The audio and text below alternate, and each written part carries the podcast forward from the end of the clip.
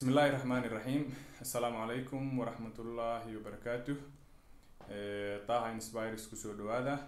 Maanta waxaan rabaa inaan idinla wadaago yani talooyin iyo macluumaad ku aadan dhanka waxbarashada asaasiga ee turkiga. Barnaamijyadan talooyinka iyo macluumaadka aan la wadaagayo dadka soomaaliyeed ee ku nool wadanka turkiga iyo sidoo kale kuwa raba inay imaadaan. Hadafka aan ka leeyahay ma ahan inaan dadka soomaaliyeed ku dhiirigeliyo inay turkiga imaadaan ama soo aadaan ujeedka keli ah aan ka leeyahay waxaa waaye in macluumaadkan ay anfacaan qof allaale qofkii wadanka joogo ama ku qasbanaado ama dantiisu arko inuu wadankan imaado. Waayo waxaa jiro soomaali badan oo dhibaatooyin kala duwan la kulmaya macluumaad dara awgeed. Marka waxaan rabaa in waalidiinta soomaaliyeed macluumaadkan waxbarashada asaasiga ah ku saabsan aan la wadaago. Arrinta jaamacadaha wixii ku aadan mar horaan duubnay waxaad ka heli kartaan linkiga videoga hoose ku jira ayaad ka daawan kartaan. Balse maanta waxaan xooga saarayaa macluumaadkayga ama videogan xooga ku saarayaa keli ah dhanka waxbarashada asaasiga ah. Yani wadanka turkiga waxbarashadiisa asaasiga ah waxa waaye waa laba iyo toban sano waaye dugsi hoose dhexe sare. Saddexdaas heer waaye waana qasab. Qof kasta wuu ku qasban yahay inuu caruurtiisa iskuul geeyo oo ay waxbartaan carruurta udhexeyso da-dooda udhexeyso lix ilaa todoba toban sano way ku qasban yihiin inay waxbarasho aadaan. Marka haddii aad tahay qof ajnabi ah ama qof qaxooti ah ama qof siyaabo kale ugu nool wadankan turkiga si caruurtaada ay wax u bartaan keliya waxaa u baahan tahay in sifo sharci ah aad ku joogto wadanka oo aad haysato kaarka yani wadanka lagu joogayo ama iqaamada deganaanshaha ama kaarka qaxootinimo ama yani wixii la mid ah inaad haysato xaal sifadaada sharci wadanka inay adaato keliya lagaa rabaa. Guud ahaan waxbarashada waa intaas waana lacag la'aan wax lacaga laiska qaadayo ma lahan. Waa laga yaabaa inay jirto in yani iskuulaadka qaar ay yani qofka ardayga weydiiyaan inuu uniform la imaado ama bugaagta qaar laisu diro ama marar qaar xaflado jiraan lacaga yar laiska qaadqaado intaasna waxaaway waa iska waxyaabo oo loo baahan yahay oo iskuulka yani isaga baahan yahay. Waayo baahooyinkaada guud ma ahan yani wax oo yani qarash ah oo iskuulka kaa qaadanaya ama dowladdu kaa qaadanayso. Iskuulaadka waxay isugu jiraan yani laba nooc noocyo oo maxaanku yidhahdaa dowladda leedahay oo dowladda fangarayso oo lacag la'aan ah iyo kuwo sidoo kaleeto yani si gaar ah loo leeyahay oo lacag ah way jiraan. Intaas noocay way furan yihiin. Intaas ka sokow waxaa kale jirto sidoo kaleet maraakis ama xarumo waxbarasho oo iskuulaad ah oo ayagana loogu tiragalay dadka leh yani yani naafada ah oo daryeelka gaarka u baahan.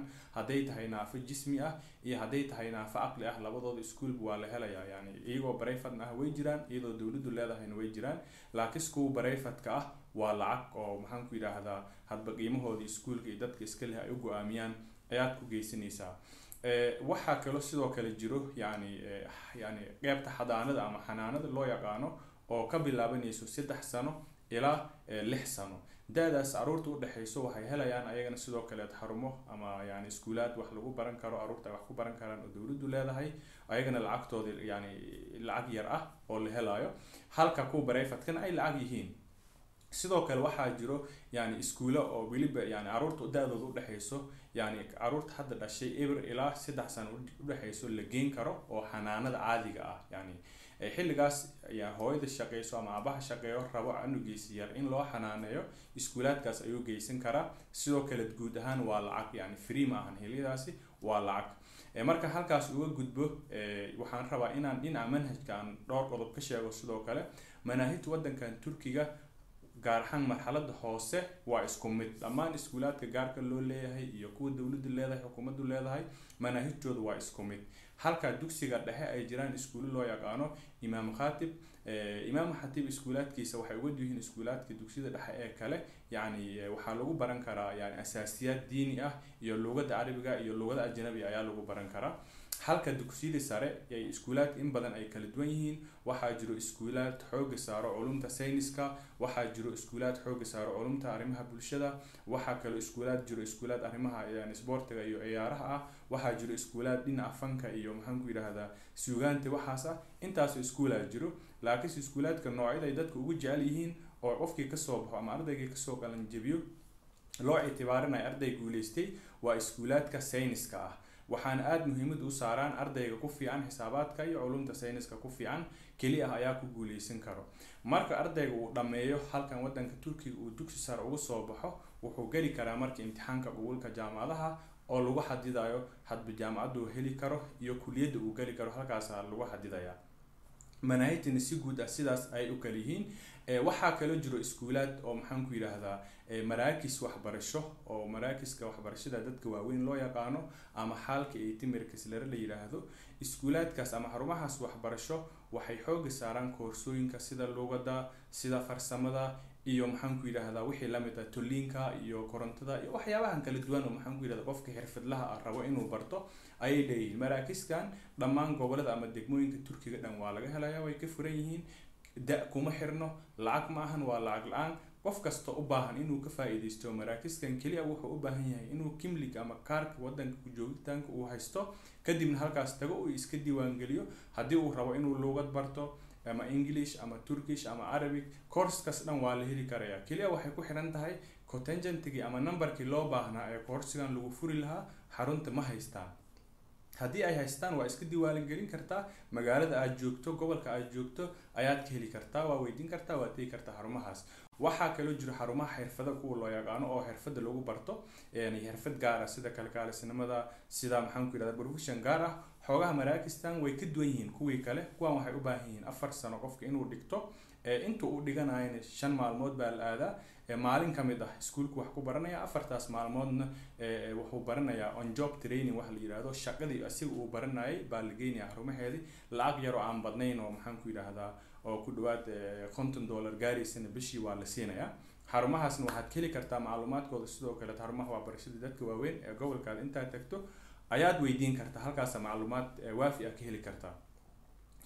Waxaa kaloo jiro sidoo kaleeto waxbarasho furan ama ajik oritim wax la yidhaahdo waxbarashada furan waxaa looga talagalay dadka yani fursad waxbarasho caadi ah aanan soo helin oo rabo inay waxbarashada asaasiga ah qaataan. Waxay sameyn karaan tusaalahaan da-daada qofka da-diis hadday dhaafto sideed iyo toban sano hadday dhaafto rabana inuu dug sare ka qalin jabiyo wuxuu tegi karaa xaruntaas xarumahaas aan soo sheegay ee xarumaha waxbarashada dadka waaweyn wuxuu dalban karaa waxaan rabaa inaan iska diiwaangeliyo waxbarashada yani furan ama waxbarashada anigoo gurigeyga jooga aan qaadan karo oo ajik oritin baa la yidhaahdaa way ku diiwaangelinayaan buwagtii loo baahnay ku soo siinayaan gurigaadaad tegaysaa wixii lagu diray baad akrinaysaa imtixaanaad jiro imtixaan kastaa galaysaa sidaas baad ku galan jabinaysaa qofka haddii sideed iyo toban dhaafo iskuol caadi ah ma fadhiisan karo ma ogolaanayaan sidaas darteed wuxuu ka faa-iideysan karaa waxbarashadaas furan ee loo yaqaano ajig ajig oritimka loo yaqaano ayuu ka faa-iideysan karaa. Ayagoo dugsiyo dhexen way leeyihiin ayagoo dugsiyo saren way leeyihiin laakiin dugsi hoose ma lahan labadaas marxalo dhexe iyo sare ayay leeyihiin. Waxaan sidoo kale rabaa inaan halkaan idinkala wadaago idinkula wadaago qofkii waddan kale wax ku soo bartay oo rabo waddankan imaado haddii uu dugsi dhex soo dhameeyey marka hore waxaa laga rabaa inuu la yimaado shahaado cadaynaysa xeerkiisa waxbarasho xeerkuu joogo. Marka aad rabto inaad waddan ka soo tagto waddanka imaato waxaa aada u fiican inaad shahaadooyinkaas soo qaadato hore u soo qaadato halkaan la imaato. Way fiirinayaan way jiraan iskuulaad da-daada iyo shahaadadaas marka isku eegaan ku qaata. Sidoo kaleed waxay kaa dalban karaan inaad aado qeybta waxbarashada xafiiska waxbarashada ee degmada ama gobolka aada joogto si lagugu soo sameeyo dheelitir wax la yidhaahdo dheelitirka waxaa waaye waxa heerka aada soo gaartay iyo heerka aad rabto inaad ka bilowdo misu dhigmaan misu maxaa macquul ma yihiin. Ay fiiriyaan. Wasaaradda waxbarashada ayaana mas'uulka ah inay barbardhig ku sameyso heerkaaga waxbarasho.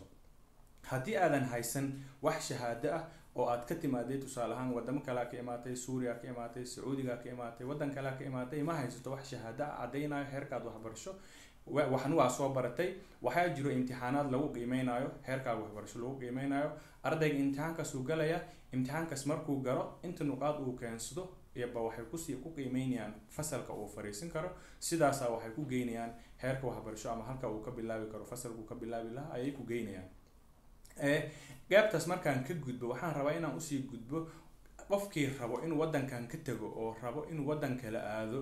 Isagoo waxbarashadii dhammayn wuxuu sameyn karaa maamulka madrasada ama iskuolka intuu tagaba wuxuu dalban karaa shahaado caddaynaysa heerka waxbarasho ee uu soo gaaray caddaynaysa shahaadadaas waxay kugu saa-idaysaa haddii waddan saddexaad ama kale wadamadaas galbeedka aad aado. Shahaadadaasaa la tegaysaa canugaagii caruurtaadii halkii ay joogeen ayay ka sii wadan karayaan. Shahaadadaas ay ku siinayaan marka aaday muhiim u tahay macluumaadkaas guud oo halkaan idinkula wadaagay. Tala ahaan waxaan rabaa waalidiin soomaaliyeed halkaan joogo inaan dhowr tala siiyo caruurtoodii. Talada koowaad waxaa ka mid ah caruurtaadi fadlan u sameey macalin guriga wax u dhigo oo ka soo saacida waxyaabaha ay bartaan maadooyinka ay dhiganayaan u soo akrin karo u soo celin karo kuna gasbi karo in maxaanku yidhaahdaa layliyada loosoo diro imtixaanaadka exerciseda loosoo diro ka saacido aaday muhiim u tahay. Macalinkaas keli ah imtixaankii wixii loo diro kuma saacidaya sidoo kale tarbiyadoodii iyo inay waalidkooda ku xirnaadaan iyo asaasiyaadkooda diiniga ah ayay ku baran karaan. Haddii aadan macalin guriga u keeni karin waalid adiga isku day inaad aruurtaadi guriga ka soo dhisto oo aad ka soo diyaariso talada labaad oo waalidiinta soomaaliyeed aan rabo inaan halkan kala wadaago waxay tahay fadlan caruurtaada ka diiwaangeli iskuulka ugu dhow.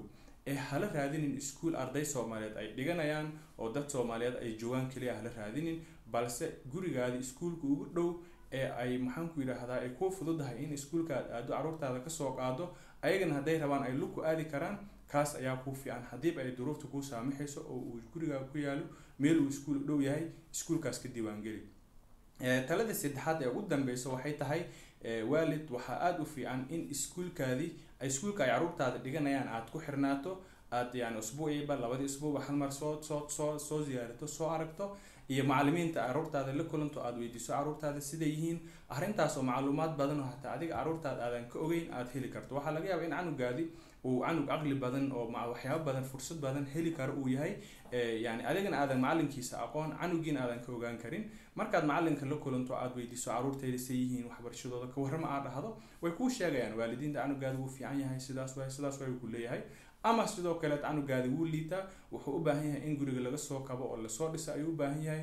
Canugaadi waa maadooyinkaas ku fiican yahay maadooyinkaas wuu ku liitaa macluumaad muhiim ku ah oo canugaada inaad ka ogaato ah baad ka helaysaa iskuulka macalimiintiisa.